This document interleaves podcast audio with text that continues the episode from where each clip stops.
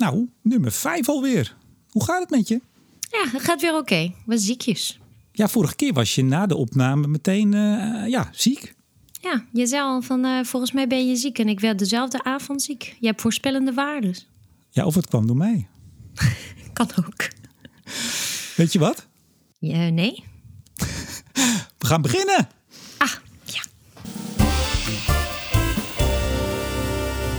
Afgelopen vrijdag deed de industrie tijdens een heuse industrie- en energietop een aanbod aan Nederland. Wat was dat aanbod? En, was het wel een aanbod? Of toch meer een charme-offensief? Vorige week presenteerde de commissie Brenninkmeijer het advies Betrokken bij Klimaat Burgerfora aanbevolen. In Den Haag lopen partijen zich er inmiddels warm voor. Maar zijn die burgerfora, panels of raden inderdaad de ontbrekende schakel in het klimaatbeleid? En we hebben het over waterstof en dus over Jilles van den Beukel en het Europees Parlement. Over de capaciteitsmarkt in de VS, kolencentrales die stand-by staan. En over de Britnetkabel die helemaal niet stand-by staat, maar weer stuk is. Hoe kan dat? Maar nu eerst Opluchting alom, Letitia. We nemen dit gesprek maandagmiddag op. En zojuist, jawel, is de Ever Given losgetrokken. Vlot getrokken. Waren er van jou nog spulletjes op die boot vanuit Azië? Nou ja, nu hoor ik te zeggen van niet, maar dat weet je natuurlijk nooit. Je weet nooit waar je spullen vandaan komen. Maar nu wil ik echt iets opgehelderd worden. Was het de Evergreen of de Ever Given?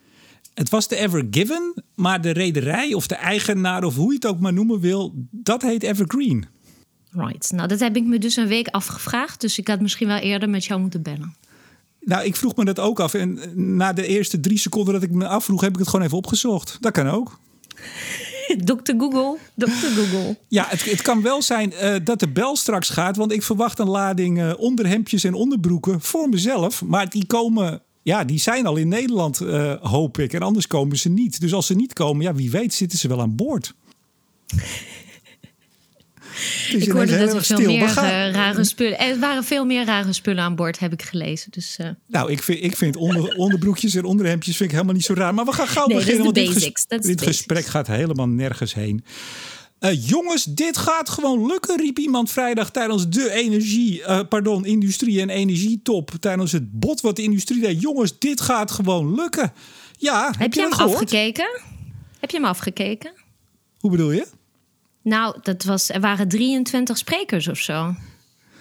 Nou, ik heb uh, om tien uur heb ik uh, ingeschakeld. Toen ben ik om tien over half elf eruit gegaan. En ik ben nog twee keer even wezen kijken. En toen ik dat om pakweg kwart over twaalf deed... want mijn hemel, het duurde 2,5 uur met inderdaad 23 sprekers. Ik werd er helemaal gek van. Toen hoorde ik iemand zeggen... jongens, dit gaat gewoon lukken. En dat dit, Letitia, dat is ja, gewoon de hele industrietransitie. Dat moet ons toch vrolijk stemmen. Ja, gaat lukken. Het gaat lukken, dat is wel goed nieuws. Ze hadden trouwens die. Uh, ik was wel blij van die industriebrief uh, kwam weer helemaal aan bod. Ik heb dus niet gekeken. Ik was zelf uitgenodigd bij een super interessant gesprek bij Tenet. Uh, over leveringszekerheid. En zoals je weet, heeft dit toch echt mijn hart. Dus ik ben, ik ben dat gaan kijken. En, en ik heb dus alleen maar het bod gelezen. Dus ik weet niet wat de 23 mensen gezegd hebben. Maar ik heb de samenvatting gelezen. Ja, nou toch even voor de luisteraars die denken: waar gaat dit in godsnaam over? Welk bod? De industrie die kwam met een bod aan Nederland, een aanbod aan Nederland. Dat klonk ook al prachtig ronkend, pathetisch bijna. Hè? Wij, gaan eens, uh, ja, wij gaan jullie iets aanbieden. Nou, er was dus een presentatie. Er was ook een uh, bod op papier. Dat heb jij dan gelezen. Dat heb ik ook gelezen. Um, ja, wat is dat bod? Letitia Oeje. Ja, ik, vond het wel grappig. Ik was natuurlijk, en dan ga je dit lezen en je denkt, ik ga er over de, in de podcast over hebben. Dus ik moet, moet een beetje grappig zijn. En dan zijn mensen nu aan het hardlopen die luisteren. En die hebben het heel zwaar, van het wordt heel warm. En, maar goed, ik was aan het lezen en een van die eerste zinnen is van... De spulletjes die wij in huis gebruiken, uh, worden in Nederland gemaakt. En ik denk, ja, de industrie is wel op het punt dat ze het heel erg plat moeten slaan willen ze het gevoel hebben dat ze gehoord worden. Want het is, het is toch heel treurig dat je inderdaad in zo'n brief moet gaan schrijven dat bijna alles wat wij gebruiken in het dagelijks leven. Nou, ze hadden het nu uh, hadden ze het heel erg contextueel gemaakt.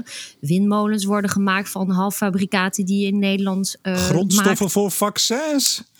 Van vaccins, inderdaad, kwamen we ook weer. Dus zo maak je het helemaal weer, hè, 2021. Maar ja, het is, weet je, dit pot, dat is eigenlijk volgens mij, maar ik ben hem nu heel erg aan het doorinterpreteren, maar dat is de industrie heeft dus haar huiswerk gedaan sinds uh, de handtekeningen onder het klimaatakkoord is gezet. Nou, het is een prachtige lijst aan projecten die nou ja, redelijk concreet zijn, waar ze hun huiswerk en haalbaarheidsstudies en weet ik wat gedaan hebben. En nu is de vraag: show me the money. Ja, maar die vraag werd niet op tafel gelegd. Nee, maar dat is toch wel de onderliggende vraag. Je denkt toch niet dat dit een tentoonstelling was van alles wat er zou kunnen. Dat is een vraag van, dit willen wij gaan doen. Maar by the way, de EU-ETS is nog lang niet op het niveau dat we het zouden moeten hebben. Dus in de tussentijd, uh, overheid, uh, hebben wij pijpleidingen, kabels en geld nodig.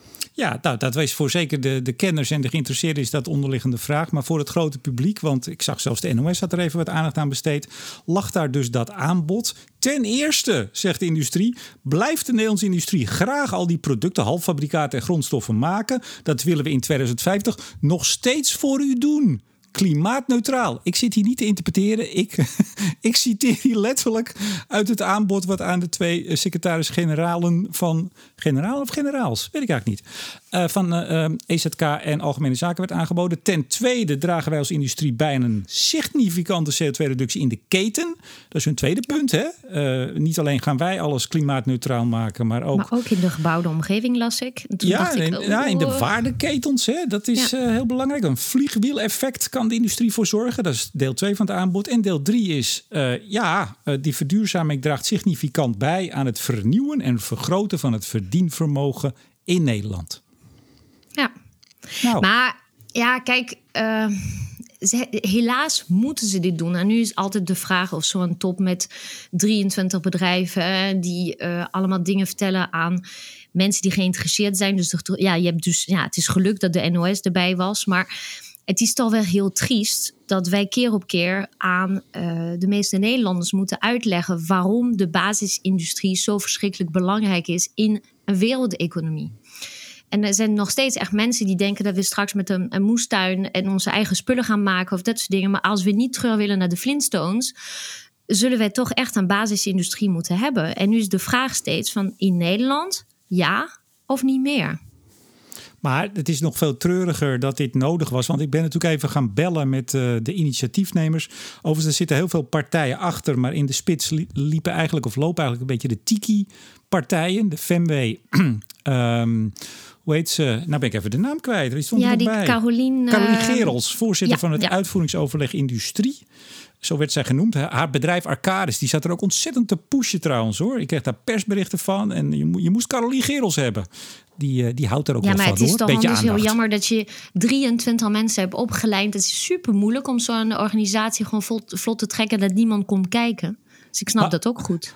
Maar nog even, en Netbeheer Nederland, die, die zitten daar ook uh, achter. Of de netbeheerders. Nou goed, anyway. Um, maar wat, wat zo treurig is, want dit was niet voor het grote publiek bestemd, deze boodschap. Deze boodschap is toch vooral bestemd, blijkt, om ja, eigenlijk weer uh, met de politiek, bij de politiek aan tafel te komen en uh, te kunnen praten over inderdaad de vraag die eronder lag, maar die niet impliciet gesteld werd.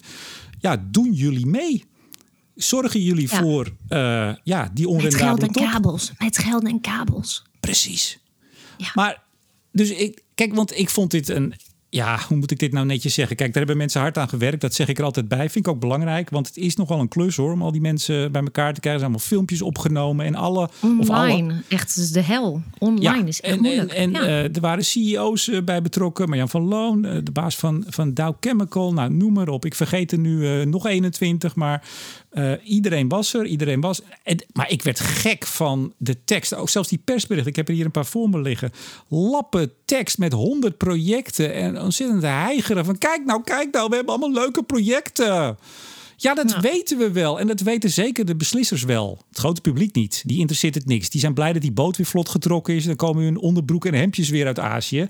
Maar het gaat erom dat de politiek het eigenlijk niet weet of niet wil weten of wel weet, maar er geen geld voor over heeft. Want de industrie is slecht.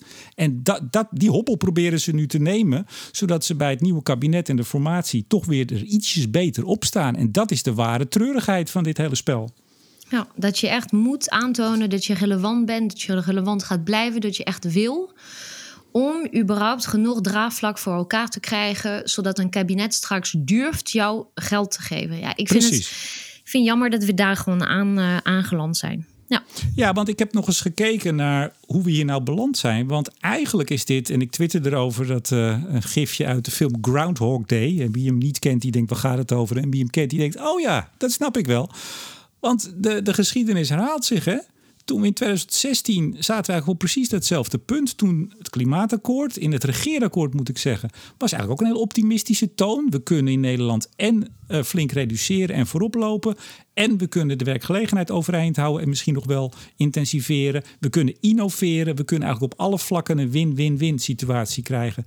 En dat is tijdens het klimaatakkoord uh, de onderhandelingen hè, aan de tafel kwam er de bonus-malus-regeling. En toen zag je het eigenlijk al, ook in het publieke debat, verschuiven. Er kwamen de gele hesjes in Frankrijk, die ken jij. Ja, die ken ik. Uh, Buma, die, uh, het CDA, die begon van... nou, nou, dit moet de burger toch niet raken. De VVD, hè, klimaatdrammer D66. De burger moest beschermd worden. En uiteindelijk vond iedereen elkaar in ja, laat die industrie maar eens dokken. En dat ging in de oppositie met PvdA en, VV, uh, pardon, en GroenLinks ging dat nog, uh, nog flink steviger. Platte heffing, hoge platte heffing. Tata Steel in alle staten, dan gaan we failliet en dan zijn we er niet meer. En die polarisatie die is eigenlijk nog niet gestopt. Nee. Nee, nou, ik hoop echt, maar goed, deze, de formatie wat, wat, is wat gestokt uh, afgelopen week. Maar ik hoop heel erg dat hier uh, volgens mij, D66 heeft ook nog gezegd uh, dat zij echt staan voor uh, bindende afspraken met de industrie. En kijk, ik wil ook wel benadrukken: ik, ik sta niet voor een blanco cheque. Um, ik denk dat de industrie er waar kan maken wat ze allemaal beloofd hebben. Ik denk dat je hebt een keuze om nu mee te doen en misschien wel echt voorop te lopen. En ik weet voorop lopen, dat, daar worden we een beetje cynisch van. Maar de kans is er echt nog. Zeker. Um, Alleen, ja, weet je, dan moet je wel even, als Nederland nu de Nederlandse of, of BW Nederland nu even een, een cheque gaat, gaat tekenen en kabels gaat trekken en dat soort dingen, dan moet je wel echt beloven dat je A gaat blijven. Uh, dat je gaat stoppen met dreigen. Hè, met uh, we gaan straks naar het buitenland. En dat je gewoon echt het werk gaat doen. Dus ik ben echt voor bindende afspraken. Zoals eigenlijk gesuggereerd werd door Wiebes in zijn fameuze brief. Van Zeker, mei maar, maar heeft de industrie nou gedreigd? Nou, ze hebben nu niet gedreigd, maar ik denk dat als we googelen dat ze straks nou, op, op de woorden vertrekken naar het buitenland, denk ik dat, dat, uh, dat je honderd, honderdduizenden hits krijgt van persberichten uit het verleden. Ik vond Anton van Beek, die was een keertje bij jou in september, geloof ik. En die zei, die, die zei dat wel heel erg goed. Die zei: nee, we gaan stoppen met dreigen, want we dreigen niet. Wij, wij zijn we're here to stay. We hebben niet voor niks aan voor Nederland gekozen. Vond ik heel sterk. Maar ik heb genoeg uh, persberichten in het verleden gezien waarin ze zeiden: van nou, als, als u niet, over de brug komt met hulp, dan gaan we weg. Ja, maar kijk, ja, dat is altijd heel erg een interpretatie. Hè? Of een, uh, wanneer is iets een, een noodkreet en wanneer is iets een dreigement en wanneer is het zelfs chantage. Hè? Die woorden vallen ook wel eens. Dat is echt wel aan welke kant je zelf staat van het debat, nou, vind ik. Ik denk dat het nu een noodkreet is. Ik denk dat het nu...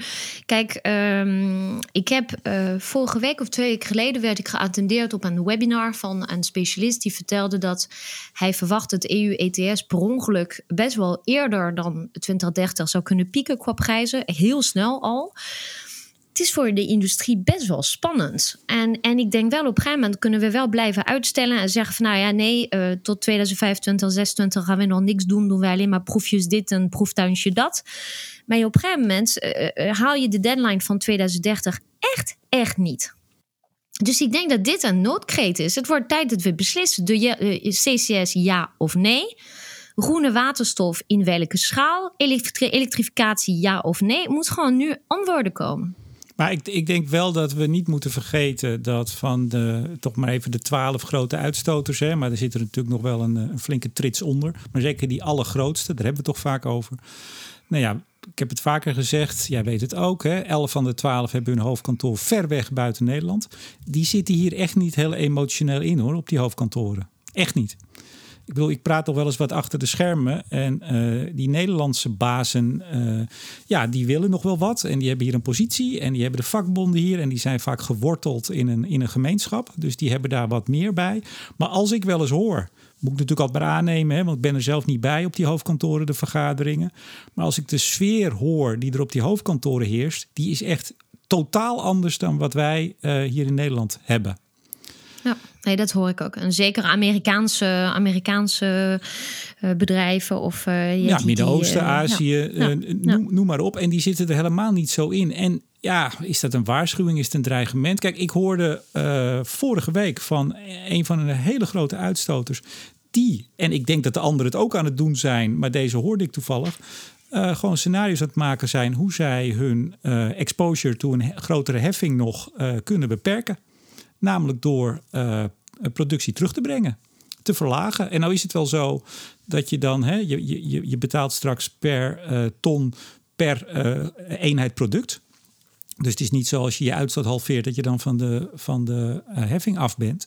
Maar je kunt wel je, je totale kosten die je hebt, de miljoenen die je op een gegeven moment moet gaan aftikken. Ja, die kun je als je halveert, kun je die ook halveren waardoor het misschien toch interessanter blijft. En doe je dus meer in een van je andere vestigingen. Die scenario's, en het is natuurlijk helemaal niet gek, die worden gewoon gemaakt. Ja. En dat is ook geen dreigement. Mij werd het heel en passant verteld. En toen dacht ik, ja, dat is natuurlijk ook zo. Dat is ook helemaal geen dreigement. Jongens zeggen, nou ja, ga eens kijken, Kees, Piet, ga eens rekenen. Hoe, hoe kunnen we daarop uh, anticiperen als bijvoorbeeld die pijpen niet komen, als die kabels er niet komen? En dat is volgens mij het allergrootste gevaar. Eén, fysiek dat ze er niet komen. En twee, dat het geld er niet komt uh, van overheidswegen. Omdat we toch vinden, omdat een flink deel van de politiek vindt... dat die vieze vuile jongens maar eens een keer zelf de portemonnee moeten trekken. Ja, in een wereldeconomie. Maar goed.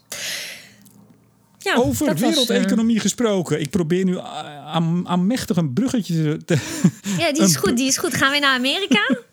Ja, capaciteitsmarkt. stond een groot artikel in het Financiële Dagblad vorige week. Een vertaling van een uh, Reuters-artikel over. En het, was eigenlijk, het waren eigenlijk twee boodschappen volgens mij. Hoe de private equity-markt de, de kolensector in Amerika uitperst. Nou, dat ging volgens mij vooral over het feit dat zij uh, heel veel lenen. En dan proberen snel er zelf uit te springen. En als het uh, slecht gaat, dan zitten andere partijen dan zij met de, brok, met de gebakken peren. Maar het was natuurlijk vooral interessant dat er zoveel uh, regio's in Amerika gewoon een capaciteitsmarktmechanisme hebben. Ja. Wie zei dat? Ik, Nee, ik wist niet dat ze dat in Amerika hadden. En zij hebben ook een uh, Franse variant. En nu moet ik zeggen dat ik voor mezelf opgeschreven had van uitzoeken of de Franse variant uiteindelijk wel of niet is, uh, is geïmplementeerd. Van de Fransen zijn heel goed in het bedenken van fantastisch beleid, wat ze vervolgens gewoon nooit implementeren. Dus ik, uh, ik heb er niet in gedoken. Maar ze hadden destijds ook het plan, en dat is dus in Amerika waar ze het over hadden, dat een leverancier moet kunnen aantonen dat ze hun klanten kunnen blijven beleveren. Dus dat de de capaciteitsmarkt, zeg maar, dat die, die plicht die, uh, die leunt of die, die valt op de leverancier. Mm En dus het verhaal in dat artikel was inderdaad dat je als elektriciteitsleverancier moest kunnen aantonen dat je gewoon genoeg capaciteit veilig had gesteld om je klant voor het hele jaar van elektriciteit te voorzien. Ja, en dat kan je helaas niet doen met uh, zon en wind. Van, ja, er is altijd een moment dat je geen zon en geen wind zult hebben. Dus uh, zijn kolencentrales daar uh, heel populair. Uh, het is overigens uh, geen nieuw fenomeen in Europa, zou ik zeggen. Van nee. uh, het feit dat, dat die. nou, kijk, de capaciteitsmarkten, dat, dat is één ding. Maar hier ging het ook over dat de partijen die de kolenstralen opkopen.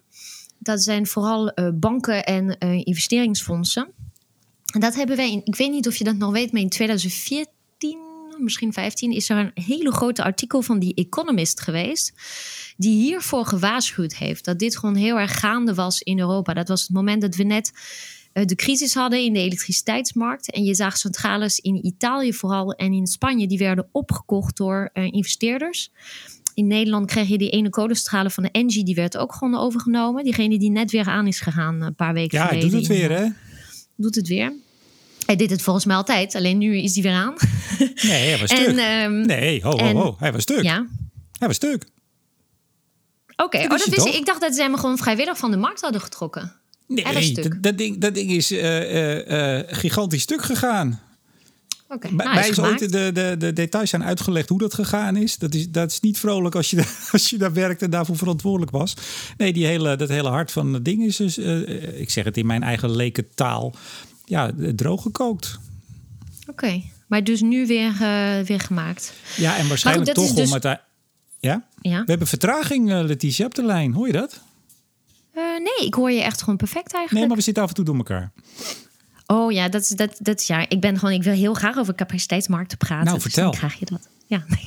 nou, ja. De discussie is natuurlijk wel van hoe fout vinden we dit? dan? Dat het gewoon door banken wordt opgekocht en die gaan uh, centrales. En dat zag je dus in Europa, dat was ik aan het vertellen. Je zag in Europa destijds, in Italië vooral, dat allemaal gascentrales die uh, out of the money waren, werden opgekocht door uh, pensioensfondsen, maar die gingen eerst failliet. Dus gingen eerst de, de eigenaren van de centrales, dat waren elektriciteitsproducenten, die gingen gewoon dit afschrijven bij hun, uh, hun shareholders, hè, hun aandeelhouders. En vervolgens werden ze voor een habbekrats doorverkocht aan een pensioenfonds of aan een, of een, sorry, um, investeringsfonds of aan een bank. Ja, en die wachten die wachten dat het op een gegeven moment wel interessant wordt. Die wachten dat de prijzen op een gegeven moment wel hoog genoeg worden om die dingen weer aan te zetten. En um, ik vind het wel uh, food for thought. Ja, maar wat ik zei in het begin, dit zijn toch twee verschillende zaken eigenlijk. Het feit dat je zo'n capaciteitsmarkt hebt, waar we het in Nederland nog steeds maar niet over hebben. En uh, blijkbaar ook nog niet. En wij wel. Ja, wij wel. Uh, en, en hoe dat gefinancierd wordt, de hoofdfinans van de, de, de, de cowboys en het geld en de beleggingsfondsen en zo. Dat zijn toch eigenlijk twee aparte onderwerpen, of niet?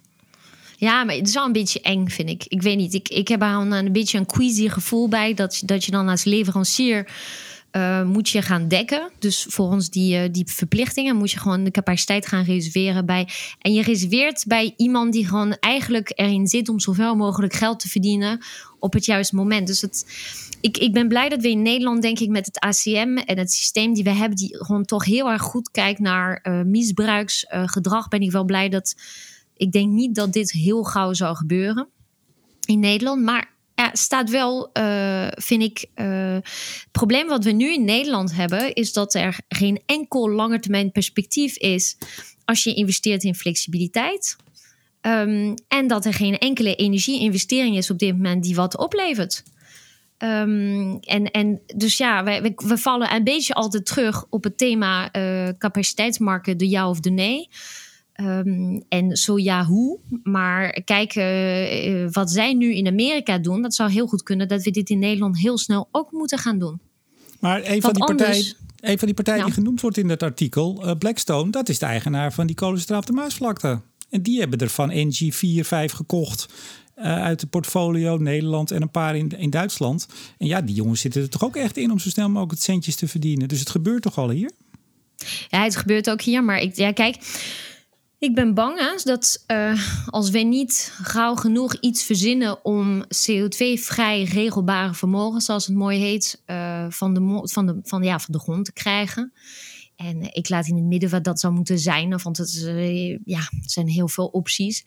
Maar wij moeten snel en, en, en ehm, ja, hoe zeg je dat? En, en, en, en en markt gaan creëren waarin deze investeringen nu gedaan worden met het perspectief van dit gaat mij wel wel wat opleveren. En als je dat niet doet, dan kom je in 2030 in een situatie dat je gewoon tegen de kolenjongens moet zeggen van jongens, eh, nog even een jaartje bijtekenen.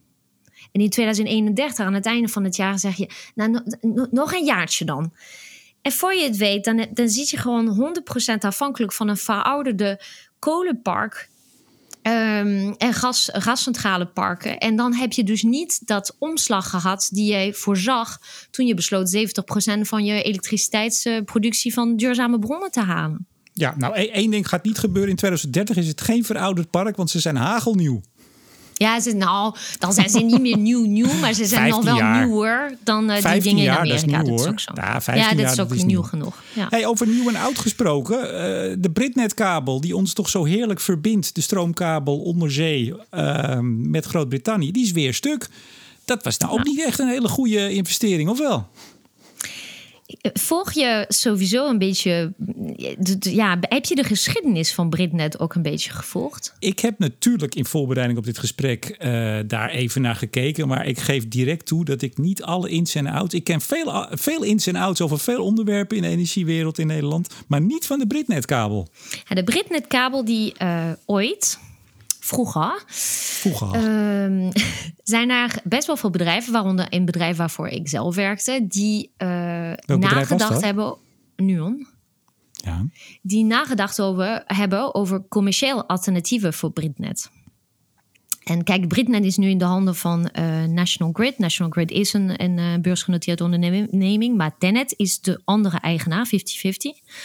En uh, in die tijd waren er heel veel commerciële partijen die best wel pissed off waren dat deze consortium de Britnetkabel mocht bouwen. Mm -hmm. um, nou, het is gebouwd en toen bleek dat het gebouwd is door ABB. Uh, ABB is volgens mij Zweeds, als ik me niet vergis. En ABB is een van de kabelbedrijven uh, die gepakt is door de Europese Commissie in 2014, omdat zij uh, aan een kartel hadden meegewerkt voor het hoog houden van prijzen voor dit soort kabels. En toen is er een enorme boete geweest. Nou, enorm. Voor deze bedrijven denk ik wel, valt het wel mee, van 300 miljoen. En een van die eerste case die kwam op de markt was Britnet, die dus schadevergoeding wilde hebben voor haar kabel, omdat ze dus te veel had betaald voor de kabel. En uh, het is een hele lange, uh, het is volgens mij 150 bladzijden aan, uh, aan uitspraak van de rechter. Dat lees maar jij in, een, in, een, ochtendje, lees jij dat even weg? Nou, ik heb er wel, wel de helft van gelezen, maar ze hebben uiteindelijk dus veel minder gekregen. In oktober 2018 hebben zij 13 miljoen gekregen van, van het bedrag die ze aangevraagd hadden. En dus is het, ik denk dat nu met alle problemen dat Britnet heeft en dat kartelcase, denk ik dat al die commerciële partijen nu denken van, oh, misschien is het helemaal niet zo erg dat ik hem niet had. Maar als die het doet, is het natuurlijk een fantastische business case. Het is een kabel, mensen. Als het ooit op de markt komt en je kan de aandelen inkopen, dan zou ik het wel doen als die het weer doet. Want als je rekent met een uh, prijsverschil tussen, van ongeveer 10 euro tussen de Nederlandse markt en de Engelse markt. En je draait ongeveer 6000 uur uh, keer uh, eh, 1000 megawatt van dat is hoe groot de kabel is. Dan is het toch wel 60, 60 miljoen per jaar. Nou, ik, uh, ik wil best investeren. Maar ja, dan, inderdaad, dan moet hij het wel eerst doen. Moet hij eerst gerepareerd zijn. En, doen, ja. en, nee, maar het is toch wel wat, hè? Want we hebben, we hebben dat, die, die Nordnet ligt er ook toch nog uit. Nog steeds. Op 22 januari lagen Cobra, dus de Cobra met, met Denemarken, Nordnet en uh, Britnet, alle drie tegelijkertijd uit. Ja, maar Cobra was geloof ik een software dingetje. Dat was, was snel geregeld. Ja, maar dat maakt niks uit. Kijk, ook al was het omdat die man de verkeerde switch had aange... Dit is toch wel best wel eng dat je dus dagen hebt dat ze het alle drie niet doen. Ja, nee, vertel mij wat. Maar ik hoor altijd van Tenet. Nee hoor, mensen, dat gaat allemaal hartstikke goed. We hebben interconnectie, dus uh, geen probleem, uh, Letitia. Nou, dat is wel zo. We hebben extreem veel uh, kabels. ook bijvoorbeeld Denemarken kan je ook via landen, via Duitsland bereiken. Engeland zou je ook gewoon kunnen gaan via Frankrijk met de interconnector. Al hij is wel heel vaak overbelast. Maar um, we zijn als land extreem interconnected met onze landen. Alleen is het natuurlijk wel interessant om te zien dat je dan in één klap, uh, wat zou het zijn, uh, 16, 1700 uh, megawatt kan, kan, kan verliezen. Ja, en wie, en wie weet wat er straks blijkt, wat voor, wat voor, uh, wat voor gedoe er heeft gespeeld bij de, andere, de aanleg van de andere interconnectoren. Hè? Ja. Je weet het niet. Nee, en ik ben heel benieuwd. Ik, ik heb twintig mensen gevraagd, denk ik wel, dit weekend. Van weet iemand waarom, uh, waarom het het bij, bij Britnet zo vaak niet doet? En van nu is die er ook weer voor drie maanden uit de running. Dus dat is gewoon niet even, maar twee of drie maanden. Ja, in december was je het ook al, hè? Ja. Maar, maar niemand, uh, niemand uh, wil of kan het zeggen. Dus ik ben heel erg benieuwd. Dus uh, luister, lieve luisteraars, vertel.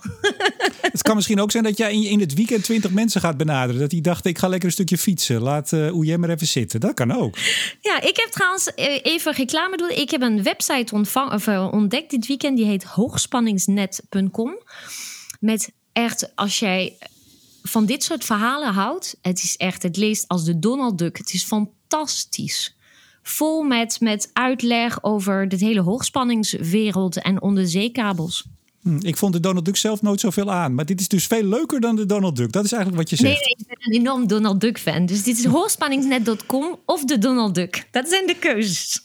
We, gaan, we gaan zo naar het rapport eh, van de commissie Brenninkmeijer over burgerfora. Of die er nou wel of niet moeten komen. Ja, die moeten er komen, zegt Brenninkmeijer en de commissie. Maar nog even, uh, jij was ontzettend enthousiast over het artikel uh, van Jillis van den Beukel over waterstof. Waarom? Ik vond, uh, ik ben zelf al een maand of drie uh, voor mijn werk bezig met waterstof. En ik, ik heb denk ik net zoveel gelezen als Jillis en heel veel mensen gesproken. Maar dat, je, dat het je lukt om je gedachten zo goed te ordenen dat het feitelijk klopt. En dat je gewoon eigenlijk een hele heldere weergave geeft van de situatie bij waterstof, zowel aan de technologische kant als aan de, de commerciële of de toepassingskant. Ik vond het heel knap. Ik heb hem ook gewoon een bericht gestuurd. Ik zei van ik, ik buig diep, want ik vond het een heel goed artikel. Ik heb het ook gewoon rondgestuurd in de familie-app en uh, allerlei andere mensen die mij altijd vragen van hoe zit het dan precies met de waterstof. Ik zeg ga er even voor, voor zitten. Ga dit lezen van dit is gewoon een heel helder verhaal. In de familie-app? Ja, de familie-app. Ik, uh, ik, uh, ja, mijn, mijn, um, mijn zwager is uh, cardioloog. Dus die uh, spent ons de hele dag met corona en met ziekenhuisdingen en berichten over de gezondheid. Dus eens in de zoveel tijden gaan we in de repost. En dan sturen wij verhalen over kernenergie en waterstof. Ik zal je krijgen, denk jij. Ik ga artikelen van Jille sturen. Nou, daar zal hij, daar zal hij blij mee zijn. En, maar hij kreeg wel wat kritiek, hè? Want hij had één zin op het eind. En daar stond iets in over Kernenergie. Ja. Mijn hemel zeg. Wat was het weer een gedoe, hè? Ah, ik vond het... Weet je, achteraf dacht ik... Oh, haal die zin weg, zodat je gewoon alle credits kan krijgen voor je fantastisch werk op waterstof. Want het is zo jammer dat je dan al die mensen hebt. Dat was de allerlaatste zin van dat artikel. Nou, Jillis heeft eerder al verteld wat hij denkt over kernenergie. En hij denkt van, nou, wij hebben de boot gemist, dus die boot komt nooit meer.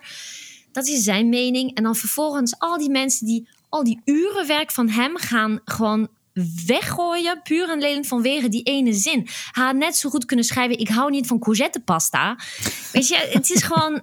Het is een standpunt. En, en de, de rest was geen standpunt. De rest was gewoon een heldere weggave van wat er speelt op de markt van waterstof. Ik kan er zo kwaad om worden dat ik denk: van moeten we echt over die ene zin vallen? Nou, dan was het niet eens volgens mij zijn mening over uh, kernenergie. Volgens mij had hij het over, nou, als nou uh, sommige partijen even een beetje inschikken op uh, blauwe waterstof. En als VVD en CDA nou even die snelle uitrol van kernenergie laten vallen, dan vinden ze elkaar wel. Ik dacht dat het zoiets was, toch? Ja, ik, ik weet het niet meer. Weet je, die ene zin heeft me niet geboeid. Ik was gewoon op zoek naar wat vindt hij van de technologie. Wat denkt hij van uh, dat er een blauwe versus groen. En dus ik ben echt op. Ik heb het echt gelezen als een hele informatieve uh, verhaal over essay, over, over, over waterstof en het hele kernenergie. Dat is echt. Ja, ik, volgende keer lees ik een verhaal over kernenergie als ik het over kernenergie wil hebben. Dus dat heeft mij enorm geïrriteerd. En ik, ik zal gewoon de mensen willen aan, aanmoedigen om dit stukje misschien wel uh, zwart, net als bij de Belastingdienst. En pak een zwarte pen. Ga die ene zin gewoon wegkrassen. en vervolgens lees het opnieuw met een open Ja, maar het- mind. Het, precies, ja, dat zeg je tegen de pro-kernenergie-lobby. Want wat vinden wij inmiddels van de pro-kernenergie-lobby? En hebben het vooral eigenlijk over mensen die eh, op Twitter heel actief zijn. Die als je maar even, ik twitter er zelf ook over, als je niet precies zegt wat zij vinden, namelijk dat we heel snel heel veel kerncentrales moeten neerzetten. Ik zeg het even wat kort door de bocht. Maar als je daar maar ook enigszins van afwijkt, dan springen ze je in de nek. Wat vinden wij daarvan? Ja, ik weet niet. Ik was dit weekend was ik slachtoffer van de andere eh, lobby. Dat was de anti. Dus dat, eh, ik ben nu helemaal in de verdomde hoek gezet. Ja, die had je Eh, ook nadat geblokt, ik- hè, zag ik. Je had een blok ja, uitgedeeld. Ja, ik voel, nou ja, ik, weet je, ik, ja, ik zit dus in dat, veilig, dat extern veiligheidsraad van, eh, van Borstelen. En wij hebben nu de jaarevaluatie. En ik moet duizenden bladzijden aan documenten lezen. En heel kritisch bekijken van dat is wat ze van mij verwachten. En dan krijg je te horen dat je niet dat je gewoon met een, wat is het, een oorklep de stukken bekijkt. Ik denk, nou, nu ga je het krijgen. Wat is dit? Maar Ja, jij moest, jij, moest, jij moest wat breder gaan kijken. Jij moest ook van eh, de anti-kernenergie eh eh, groepen... moest ik meenemen moest naar de gesprek Ja, om de stukken voor mij te duiden. Nou, echt, Anders kon je het niet ik- goed lezen, hè? Weet je Dat wat, wat het. zo jammer is? Is dat al die emoties en al die mensen die ehm, het niet meer rationeel benaderen en die vinden het nodig. En dan zeg ik voor de pro als voor de anti. Ze vinden het nodig om bijvoorbeeld, als je pro-kern bent, eh, kijk naar Volt, die deed het, vond ik heel goed, maar niet altijd. Maar in heel veel van de uitingen zeiden ze: we moeten deze duurzame transitie aangaan. Is grootschalig. Maar hiernaast is er een grondstof, eh, grondstoffentransitie gaande. We moeten eigenlijk containerschip die straks, die Evergreen of Evergiven, die straks de haven van Rotterdam binnenvaart. Dat is, eh, weet ik hoeveel terawattuur aan, aan, aan, eh, aan, aan gebruik, aan energiegebruik. Dan moeten we ook vergroenen. En op een gegeven moment komen we niet, komen we tekort met onze wind of zee en op offshore en onze wind onshore en onze zonnedaken. En, en ik vind het zo jammer dat mensen die dan helemaal pro-kernenergie zijn, vinden het nodig om dan tegen zon en wind te zijn. Ik denk het is en-en. En, en als je dat dan weer zegt, dan heb je dan het weer misdaan voor de anti-kern. Ik vind het een hele moeilijke discussie op dit moment. Je hebt het gevoel dat je het voor niemand goed kan doen. en ik heb een tip. Dat is altijd handig oh. bij Hoe jij de Boer. Wij hebben ook tips, dames en heren. Er is een fantastische TED-talk. Ik heb hem jou van het weekend nog even gestuurd. How to start a movement. Dat is een heel korte TED-talk. Ik geloof onder drie minuten. En daarin laat een uh, uh, ontzettend leuke vent...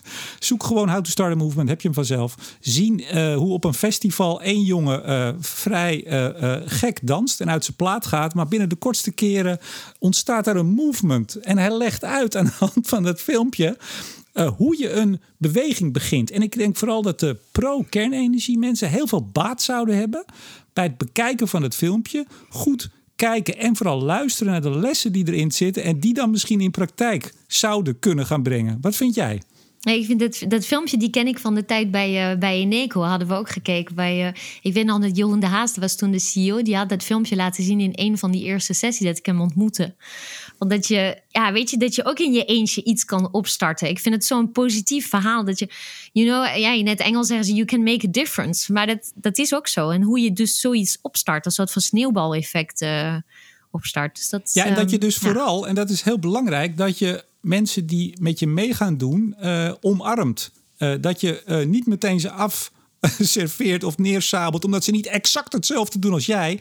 Nee, je omarmt ze. Je verwelkomt ze en zij maken die beweging groter. Maar ik merk dat ik doe het ook hoor. Want uh, kijk, mensen van de kernenergielobby doen het. Maar uh, ik merk ook dat um, op Twitter dan zie je iets over een windpark of een zonnepark of een initiatief of een stukje beleid.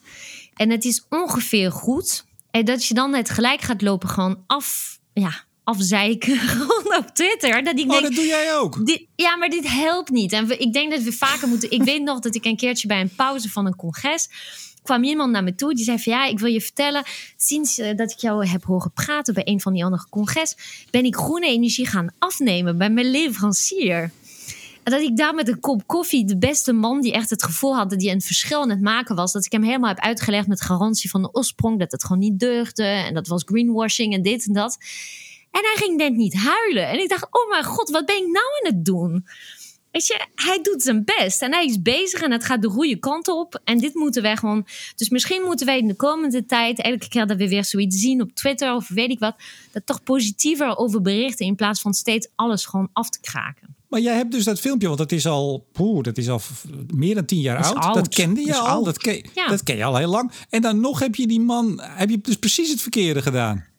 Ja, maar dat, ja, dat, is, dat is gewoon heel mens eigen. Kritiek oh. hebben en een beetje roddelen en een beetje. Maar ik denk dat wij gewoon, misschien nu in de gedachte van Pasen, voor de katholieken onder ons, zoals ik, gewoon gaan we nu een maand complimenten uitdelen op Twitter social media. Over gewoon ja, mensen die gewoon goed bezig zijn, die hun best doen. En die misschien niet altijd Excel hebben aangezet, maar wel gewoon goed bezig zijn. Nou, over goed bezig zijn, daar heb je weer een bruggetje. er, is, er is een rapport uitgekomen vorige week. Um, Burgerfora aanbevolen, althans betrokken bij klimaat, ondertitel Burgerfora aanbevolen. Eindrapportage adviescommissie Burgerbetrokkenheid bij klimaatbeleid. En mijn hemel, die hebben echt in recordtempo dat rapport eruit gepoept, zeg. Um, kunnen wij de, de vaste periode gewoon beginnen na deze podcast? Wat nee, ik begin je? positief. Nou, ik, ik vond het. Nee, maar zo snel. Uh, even, nou, even voor de luisteraars. 7 oktober was er een motie uh, in de Tweede Kamer.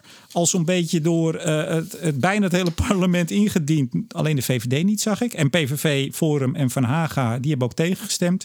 Maar daar riep dus een overweldigende meerderheid. Uiteindelijk meer dan 119 stemmen hebben voor gestemd uh, verzocht de regering een overzicht voor te bereiden met eigenlijk de mogelijkheden van burgerpanels en de voor- en nadelen, et cetera. En de ervaring in Nederland en het buitenland. Ja, hoe je dus via zo'n forum of fora burgers kunt betrekken bij klimaatbeleid. Nou, dat was 7 oktober. Uh, briefje in november van de minister. 16 december de eerste bijeenkomst. En nou, ze hebben net niet voor de verkiezingen gered. Dat was de vraag. Maar uh, in recordtempo rapportje. Ja, heb je trouwens die, uh, de lancering van het rapport gezien? Nou, jij maakte me erop attent. Uh, ik had het niet gezien, want ik, uh, ik probeer ook nog wat andere dingen af en toe overdag te doen. Uh, maar daar zaten twee mensen in, in, in leunstoelen die zo uit de jaren, jaren 60 hadden kunnen stammen, denk ik. Oh nee, 70. Ik stuurde een foto en, en een screenshot stuurde ik. Ik weet niet meer wie. En ik zei: Papa, fume een piep. Ik had, het was echt zo een, een jaren zeventig setting. Maar dat vond ik goed. Vond ik, vind, ik vond het heel goed dat dit rapport heel. Um, het is een heel rustig rapport. Dus het was ook een hele rustige setting voor het uitbrengen van dit rapport. Het was geen schreeuweren. En die voorzitter is uh, uh, Brenninkmeijer, Alex Brenninkmeijer, onze oud-ombudsman. En inmiddels alweer sinds 2014 lid van de Europese Rekenkamer. Had ook een driedelig pak aan. Dus hij, hij paste wel goed in de stoel en in de setting, vond ik. Ja, ik ook. Ja. Hij was ook heel rustig en hij gaf een, uh, een prima. Kijk. Um, ik ben echt door verschillende emoties heen gegaan met dit rapport. Um, nou, als, als, uh, als Letitia, hoe jij dat zegt, beste luisteraars, dan, dan weet u al dat er uh, veel gebeurd is. Nou, kijk, hè, ik ga weer. Ik werk voor de Windvogel. Windvogel is een coöperatie. Wij zijn de hele bloody dag bezig met het praten met mensen over windmolens en projecten. We gaan binnenkort in Amsterdam beginnen met omgevingsberaden, waarin we echt gewoon. Um, ja, blanco uh, verschillende opstellingen van windmolens en een aantal windmolens gaan bespreken met de burgers. Dat betekent dat, we echt uit die beraden gaan weten of het er de zeven komen, of de vijf of de drie, of, en hoe ze gaan staan. En dus dat, ja, dat, dat is echt wat we doen. Dus ik ben 100% pro de actieve betrokkenheid uh, bij, bij het uitvoeren van, van het klimaatakkoord. Maar ik denk wel, beste mensen, dit komt toch een beetje laat. Ik bedoel, als je echt een gesprek wilde hebben over hoe gaan we onze doelen halen, bijvoorbeeld op land. En welke technologie mag wel en welke technologie mag niet. En welke eisen stellen we aan de technologie. Dan had dat eerder gedaan. Had dat gedaan als onderdeel van het klimaatakkoord. Van nu wat ik me afvraag, ze willen dus burgerfora gaan starten.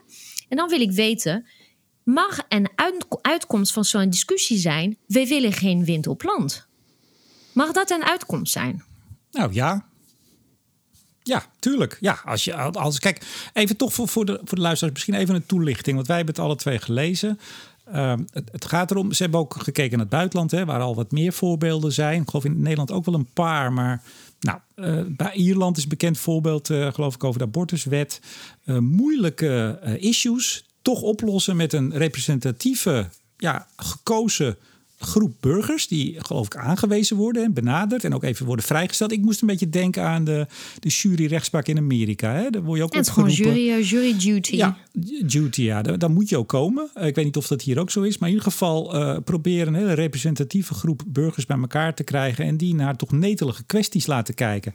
Ja, dan is de vraag, en dat zijn ook, is ook een van de randvoorwaarden die de, de commissie meegeeft. Ja, wat doe je er dan mee? Dan moet je natuurlijk van tevoren moet je er wel heel duidelijk over zijn. En de bedoeling, want het advies is dus, ja, begin nou in ieder geval met, uh, of die, die fora kunnen een krachtige aanvulling vormen op al de bestaande vormen van participatie. Ik kom daar zo trouwens even op terug.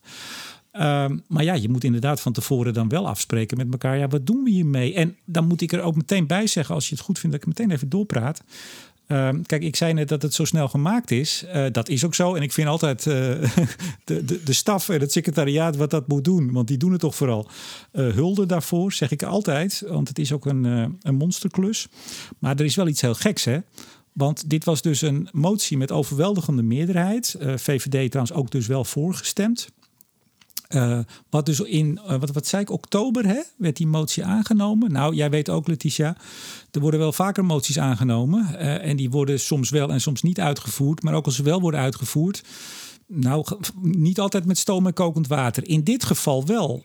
Maar zelfs zo kort en zo snel dat, en dan heb ik even de conclusies van de commissie erbij gepakt. Er waren eigenlijk drie vragen die werden gesteld door economische zaken, namens uiteraard de Kamer. Hoe worden de verschillende vormen van betrokkenheid van burgers bij het klimaatbeleid nu beoordeeld hè, op dit moment? Nou, daarvan zegt de commissie, ik zeg het even heel kort. Nou, we hadden heel weinig tijd. en daar hebben we uh, één, geen eigen onderzoek naar kunnen doen. Twee, we hebben ja, dus bestaand onderzoek en wat experts benaderd. De conclusie is dat er eigenlijk nog maar heel beperkt onderzoek naar is gedaan en een overzicht ontbreekt. Oké, vraag 2. Welke punten van aandacht en of verbetering zijn er aan te wijzen? Nou, je voelt hem al. Ja, we hebben dus beschik maar heel weinig materiaal en, en geen eigen onderzoek. Dus ja, eigenlijk weten we het niet. En er staat er ook vaak in zijn sprake van al dan niet waardevolle experimenten. ja, ik, ik moest er echt. Ik dacht, lees ik dit nou goed? Vaak is er sprake van al dan niet waardevolle experimenten. Dus eigenlijk weten ze het ook niet. En dan vraag drie: welke rol kunnen burgerfora spelen? Het antwoord luidt dat burgerfora een krachtige aanvulling kunnen vormen op bestaande vormen van inspraak. Terwijl je eigenlijk nog helemaal niet weet, dus hoe die bestaande vormen, of dat eigenlijk genoeg is en voldoende, et cetera. Dat is toch raar? Ja, nou, ze baseren zich volgens mij op een rapport van PBL en SCP. Dat er een actievere betrokkenheid zo belangrijk zijn voor de kans van slagen. Maar daar staat ook geen bewijs bij. Dus ik, ehm, ik vraag me af hoe actief dan precies. En, kijk, en, en nu wil ik het hebben over: oké, en hoe pakt dit uit? En stel inderdaad van ze zeggen, een van de, je had het over de voorwaarden die ze stellen. Ze zeggen van nou, je moet A, een hele concrete vraag stellen. Dus niet van vinden jullie het klimaat belangrijk door jou of door nemen. Je moet echt wel gewoon echt heel concreet gaan worden. En vervolgens moet je ook bereid zijn om te zeggen van wat we uit de burgerforum hebben opgehaald, gaan we doorvertalen in wet en regelgeving. En dit vind ik dus heel belangrijk. Van stel dat het betekent, nu lopen we overal vast aan in ontwikkelingen, omdat iedereen wacht op de volgende gemeentelijke verkiezing. En er is een draagvlakprobleem, roept iedereen. Nou, en als je dat vaak genoeg roept, dan heb je gewoon vanzelf een draagvlakprobleem van het woord realiteit. Maar stel dat ze inderdaad zeggen: Oké, het komende jaar gaan wij burenfora starten in al de plekken die gewoon een zoekgebied hebben. We laten ze beslissen of er een park komt. En als die er komt, hoe hoog de molens mogen zijn, of hoeveel zonnepanelen moeten zijn, hoeveel eh, vogelslachtoffers en weet ik wat. En er komt uh, een soort van vergunningspakket die hangt eraan vast. Dus uh, gemeente, weet ik wat, hè, Appelscha, waar Jillis woont. Je zegt prima, de burenforum heeft gesproken. Achter de praxis komt er gewoon, eh, komen er twee windmolens. Die mogen 180 meter hoog zijn. En ze mogen op zoveel afstand zijn van de woningen. Hier is de vergunning en binnen anderhalf jaar kan je bouwen. Dan denk ik, geef maar hier ik teken. Prima. Alleen, ik heb hier twee vragen bij. Vraag 1. Hoe ga je mensen vinden in het huidige klimaat waar je gewoon stickers op je deur krijgt als mensen weten dat je links twittert. Hè? Hoe ga je mensen vinden die dus gewoon aangewezen worden om te zeggen: in Appelscha achter de praxis komen er twee windmolens? Ik, ik bedoel, ik zou gewoon, je zou bang zijn voor intimidatie. Ik bedoel, straks krijg je een sticker op je deur, vizier op wind. Ja. Dus ik, ik vind het gewoon best wel eng. Dus, Eens. En, en, en hiernaast denk ik, oké, en stel dat uh, tien mensen hebben besloten dat er in Appelscha achter de praxis twee windmolens komen. Wat ik me dan afvraag is, de mensen die daadwerkelijk naast de praxis wonen, die hebben dan geen inspraak meer? En een derde vraag, trouwens, ik had het twee, maar ik heb er toch een derde. En gaat de PBL en SD-categorie burgerforum projecten waar gewoon de windmolen net kleiner is of net niet ideaal is qua wieklengte of dat soort dingen, komt er aan een apart categorie in. Ik zie dit gewoon in de praktijk. Ik weet niet hoe dit gaat werken. Nee, dat, dat ben ik helemaal met je eens. Uh, maar ik, ik ga nog heel even terug naar dit, dit rapport, want jij zei het uh, exact goed. Ja, waarom nu pas? Hè, zei je net. Hè? Had het nou bij het klimaatakkoord gedaan? Maar je ziet nu ook dat de politiek in overweldigende meerderheid, hè, want uh, bijna alle grote partijen, of nou bijna alle, maar he, hebben wel een soort vorm die ze willen. Hè? In het verkiezingsprogramma staan ook. Het CDA wil een landelijke burgerraad die de politiek adviseert. Uh, D66 wil een burgerforum. Uh, GroenLinks een klimaatburgerberaad met geloten burgers. Ik denk dat dat al dicht in de buurt komt. Nou, jouw PvdA wil een bindend correctief referendum voor nationale wetgeving. Nou, dat is wel van een heel andere orde. Maar uh, he, toch, die burger moet veel meer te zeggen krijgen. Maar tegelijk, en dan kom ik even bij Ed Nijpels... Uh, die nu zegt, ja, we moeten gewoon naar 55 procent. Vat het weer even heel kort samen, in 2030. En zoals dit kabinet in uh, oktober 2017 kwam met we moeten naar 49 procent. Ja, daar leg je dus al heel veel mee vast. Want ik geloof echt niet, en ik ben het met je eens, uh, als jij een representatieve uh, afspiegeling van de bevolking vraagt, dat die ook echt zullen komen tot wat er nodig is voor die doelstellingen.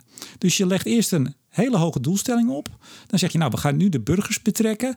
Maar ja, wat zeg je dan? U moet wel het doel halen of en dat is ook mijn vraag. Zeg je dan, nou ja, als we dan niet op 49 komen, maar op 43, ook goed. Want dat hebben burgers dus besloten. Zeg het maar. Ja, dat. En hiernaast geef je ze dus ook de verantwoordelijkheid op de andere consequenties. Dus bijvoorbeeld, stel dat ze zeggen van nou ja, nee, we vinden dat er nog veel meer op zee moet gebeuren. Ten koste van bijvoorbeeld eh, de visserij. Is, mag dit ook. Ik bedoel, ik vind het toch wel een beetje. Ik, kijk, ik heb als. als uh, ik ben niet voor niks lid geworden van een, een, politieke partij. Ik wil heel graag inspraak en over alles. Uh, hier hadden we het over betaald parkeren. En ik heb me net niet vastgeketen, getekend aan een, uh, geketend aan een boom om dat tegen te houden. Dat is me niet gelukt. Maar goed, dus ik, ik wil ook heel graag inspraak. Maar ik vind het wel. Een van de argumenten van Brenningmaier was van ja, maar op dit moment zijn politieke partijen onvoldoende aan vertegenwoordiging van wat mensen willen. Want die partijen hebben steeds minder leden. Ik denk, uh, oké. Maar er is nog steeds een democratisch apparaat. We mogen nog steeds alles stemmen als we naar de, hè, met de rode pen uh, daar iets gaan aankruisen. Ik vind het echt dat je de democratie aan de kant gooit. Nou, kijk, hij zegt, of de commissie moet ik zeggen, zegt maatschappelijke druk om burgers meer te betrekken bij beleid waar veel discussie over staat, kan vandaag niet alleen opgevangen worden door representatief, representatie via politieke partijen en traditionele inspraak. Dus eigenlijk zegt de commissie, we, we missen gewoon een, een cruciaal onderdeel. En ik, ik vond het trouwens zeggen... wel interessant dat die, die, die, die, de, de, tegen, de tegenbeweging en de, de, de tegenwindbeweging. Eh, die hebben al gezegd dat ze gewoon die burgers, eh, die burenvolgaan niet zullen accepteren en dat ze daar niet aan mee zullen doen. Dus dat, dat, ja, die confrontatie zul je blijven houden, denk ik. Ja, maar ik wil toch nog even iets zeggen persoonlijk. Kijk, ik vind dat alles wat kan bijdragen om de groeiende polarisatie, want die zie ik toch, en die zie je niet alleen op uh, energiegebied, maar de groeiende polarisatie, uh, om die tot staan te brengen en wat te verkleinen, daar ben ik voor. Wat het ook is. Eens. Uh, en dat je ermee moet gaan experimenteren, ben ik ook voor. En volgens mij geeft uh, de commissie een aantal goede handreikingen daarvoor.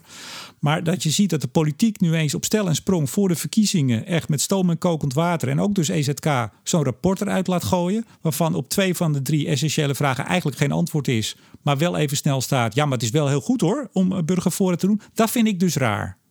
Dat vind ik niet goed. Want daar zie je dus eigenlijk al als ik het even heel zwart-wit zeg, dat de, de uitkomst, namelijk de moeten met burgerfora moet aan de slag worden gegaan, eigenlijk al een beetje vaststond. Ja, dat is een, wat ik noem in Excel een goal-seek-analyse. De formule goal-seek. Dus je gaat gewoon op het doel redeneren. Ja, dus er was een motie in de Kamer. Nee, maar wacht even, Letitia. Er is, een, er is een motie in de Kamer. Dan moet er snel een rapport komen die zegt... ja hoor, dat, dat is hartstikke goed. En dat doen we dan, want er is, er is input gevraagd via een website... en er zijn allerlei bijeenkomsten gedaan. En de mensen die daarbij aan hebben bijgedragen... die hebben het uit de beste bedoelingen gedaan. Maar dit is eigenlijk, vind ik, een beetje voor de bühne dit had je inderdaad ook veel eerder kunnen doen. Is het CDA, want het is de motie uh, Agnes Mulder is die gaan heten, uh, Cum maar het heeft haar naam. Had het CDA nou de afgelopen drie, vier jaar dit nog niet bedacht? Met alle ellende die er uh, vooral ook in Agnes, haar achtertuin in Drenthe met het windpark was. Dit komt dan ineens op voor de verkiezingen. Dat is toch altijd best wel gek, hè? Ja, ik denk dat dit gevoed is natuurlijk door uh, het feit dat Wintelplan het heel zwaar te verduren heeft gehad in de media in het afgelopen jaar. Uh, zijn, je had het over Drenthe. Nou, Drenthe is veel in het nieuws geweest. Uh, Utrecht is veel in het nieuws geweest, nu in Amsterdam. Dus ik denk dat wat dat betreft de timing van zo'n rapport, nou, het, is, het is niet zo gek. Het is echt het afgelopen jaar veel meer in het nieuws geweest dan, dan normaal. En veel meer in het landelijke nieuws. Van kijk, lokale nieuws heb je altijd, maar landelijke nieuws. Alleen ik, ja, ik maak me altijd zorgen over dat soort dingen, over de factor tijd. Dat denk ik, weet je, wat ik al zei, best wel bereid om gewoon zo'n burgerforum te zien ontstaan. Ik denk, nou, goed idee als het leidt tot een versnelling in het hele proces van het bouwen van een wind op landpark. En niet dat wij nog steeds uh, gemiddeld, wat is het, acht à tien jaar bezig zijn met een ontwikkeling van die twee molens bij Jillis in de achtertuin uh, in Appelscha. Nou ja, of dat het leidt tot geen windpark bouwen. Ja, dat kan ook, maar dan, weet je, prima, zeg het dan als dat inderdaad een mogelijke uitkomst is, dan ga ik eh, denk ik van de windvogel weer de zonnevogel maken. Dat was het ooit. Dat is een fusie van twee. En dan gaan we gewoon zonne, zonneparken bouwen. Maar ik, eh, ik, dus ik word, ik word een heel klein beetje cynisch van. Dat ik denk van het is al zo verschrikkelijk ingewikkeld. En weet je waar ik zo bang voor ben?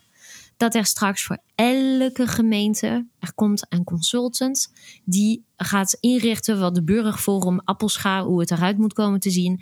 En die moet heel anders zijn dan die van Stormbroek. En, die moet, en ik denk, oh, daar gaan we weer. En dit duurt weer jaren. Ja, dus dit wordt één grote consultant uh, circus kassa. Ja, ja, en op zich, ik gun iedereen een boterham. Maar dat ging mij vooral om, ik wil nog, nog niet nog een keer tijd verliezen. Nou, wat, wat ik tot slot, uh, wat mij betreft, op dit vlak zou willen zeggen, is dat nogmaals, uh, als iets kan bijdragen om die polarisatie tot staan te brengen en te verminderen ben ik ervoor. Zeker om daarmee te gaan experimenteren. Maar ik denk tegelijk, ik ga er niet heel te diep op in, anders kunnen we nog een uur door. Maar er is uh, vlak voor de verkiezingen het rapport Bosman uitgekomen. Uh, belangrijk rapport hè, over het functioneren. Eigenlijk, het ging eigenlijk over de, de uitvoeringsorganisaties. maar vooral een heel kritisch rapport, anders dan bij de toeslagenaffaire. Uh, heel kritisch rapport over de Tweede Kamer zelf. En ook het, uh, het onvermogen om, ja, om eigenlijk de tanden te laten zien. En vooral de, de taak als controleur van de macht om die goed in te kleden. Nou, met nog meer partijen en hele kleine partijtjes in de nieuwe Kamer wordt dat alleen maar erger. Ik had vandaag nog een mooie column daarover. Niet van mij overigens, van nou, ik heb zijn naam kwijt. Schinkelshoek. Zeg ik het goed? Ja, oud, uh, oud CDA-Kamerlid. Uh, getwitterd. Dat wordt alleen maar erger. Dus het versterken om te beginnen van wel die representatieve democratie. En dat geldt in de Tweede Kamer. Dat geldt ook in uh, provincies en gemeenten. Waar mensen het ook met een appel en een ei en een houtje touwtje moeten doen met een halve medewerker. Dus gewoon veel meer ondersteuning, als we het even over de Kamer hebben, voor Kamerleden. Meer budget, meer ondersteuning personeel. Uh, meer middelen om gewoon die wetgevende en vooral die controlerende taak goed uit te voeren. Want daar gaat het natuurlijk ook mis. Hè? We krijgen straks nog meer ophef in die Tweede Kamer. Nog meer partijtjes die tegenover elkaar zijn. Nog meer media die ervan gaan smullen. Dat komt weer lekker aan de, aan de tafels. En je hebt groot, uh, grote kans dat de echte belangrijke zaken. En het echt doorakkeren van wetgeving. En het echt goed uitknobbelen van hoe we nou in dit geval die transitie verder vormgeven. Dat dat er ja, eigenlijk bij inschiet. Ook desinteresse, hè, noemt de commissie Bosman. Ja. Desinteresse in die taak. Dat is eigenlijk echt. Ik, ik vond dat het relatief weinig aandacht heeft gehad, het rapport. Uh, en vervolgens zou ik er ook voor willen pleiten om in ieder geval ook naar Brits model een, echt een expertraad uh, heel hoog in de boom te zetten. Die gaat kijken hoe we die doelen zouden kunnen en moeten halen. Naar Brits model. En dan zou misschien zo'n forum, die fora of hoe we dat ook maar in gaan kleden, wellicht misschien iets kunnen bijdragen. Ik sta er in ieder geval open voor. Ja, voor naast die, uh, dat, dat die instelling, nee, eens. En dan is het ook gewoon, weet je, is het op een zo'n dusdanig niveau dat het niet gaat over binnen een gemeente een paar, uh, een paar mensen daarmee lastigvallen en zeggen van, ga jij nu zeggen dat die windmolens nodig zijn? Maar ik denk, van Frankrijk wordt heel vaak aangehaald en Macron natuurlijk een soort van nationaal beraad gemaakt. Hè? Dus dat was ja. echt uh, op het hoogste niveau. En dat, dat zie ik wel vliegen. Nou. We gaan het zien. Uh, vooruitblik, heb jij nog leuke dingen? Uh, ik heb nu niks. Uh, nee, sorry. Nou, niet dat, dat, ik, dat ik gewoon niks leuks zie gebeuren de komende tijd. Maar ik heb niet zoiets op de bril. Nee. Nou, ik zou, en ik zeg nadrukkelijk zou, uh, aanstaande vrijdag Ed Nijpels gaan interviewen. Maar? Maar die afspraak uh, die moest verzet worden. En die moest verzet worden naar een datum dat ik niet kan. En voor je het weet was het drie weken verder. Dus ik heb gezegd, nou, dan nu even niet. Maar ik zou hem gaan interviewen over toch die 55 procent. Uh, ik zou nou, zeggen, zal ik het doen, uh, Remco, als je niet kan? Als je, als je niet kan, zal ik even, even Ed uh, even interviewen? Um, daar ga ik even over nadenken. Maar um, want dat vind ik wel een interessante ontwikkeling hoor. Hoe uh, hij niet alleen voor de schermen, vorige week bij Nieuwsuur, maar ook achter de schermen, uh, ja, hij bezig is om te zorgen dat die nationale doelstelling van 49 naar 55 gaat. Dus eigenlijk één van de opties van het rapport van Geest. Nou ja, dan krijg je dus, ik zei het net al, met uh, burgerfora, ja, moeten die dan zorgen dat het gehaald wordt of mag het ook een, een paar onsjes minder zijn? Nou, dat interview gaat dus voorlopig even niet door. Maar beste luisteraars, uh, zodra er weer een actualiteit is en de afspraak is snel te maken, uh, dan ga ik uh, een tweede poging ondernemen. Nou, ik ben benieuwd. Kijk je naar uit. En de vraag natuurlijk tot slot aan jou is: wat ga je zingen en wanneer gaan we het opnemen en wanneer gaan we het uitzenden? Ja, ik ben zo blij dat ik nu echt door de oog van de naald, hoe zeg je dat, ben gekomen. Ik heb, ik heb heel veel geoefend. En ik hoorde van mijn man wat aandoenlijk. Dus ik, ik vind het nog niet op het niveau dat ik gewoon op de nationale radio wil uitzenden. Nou scheelt het dat uh, de Boer niet op nationale radio wordt uitgezonden. Nee, dat dus wat dat betreft geen zorg. Maar wat gaan we doen? Want jij wilde het echt op paas uitgezonden. Dus we gaan een aparte uitzending maken met alleen jouw oh, nee, gezang. alsjeblieft, alsjeblieft.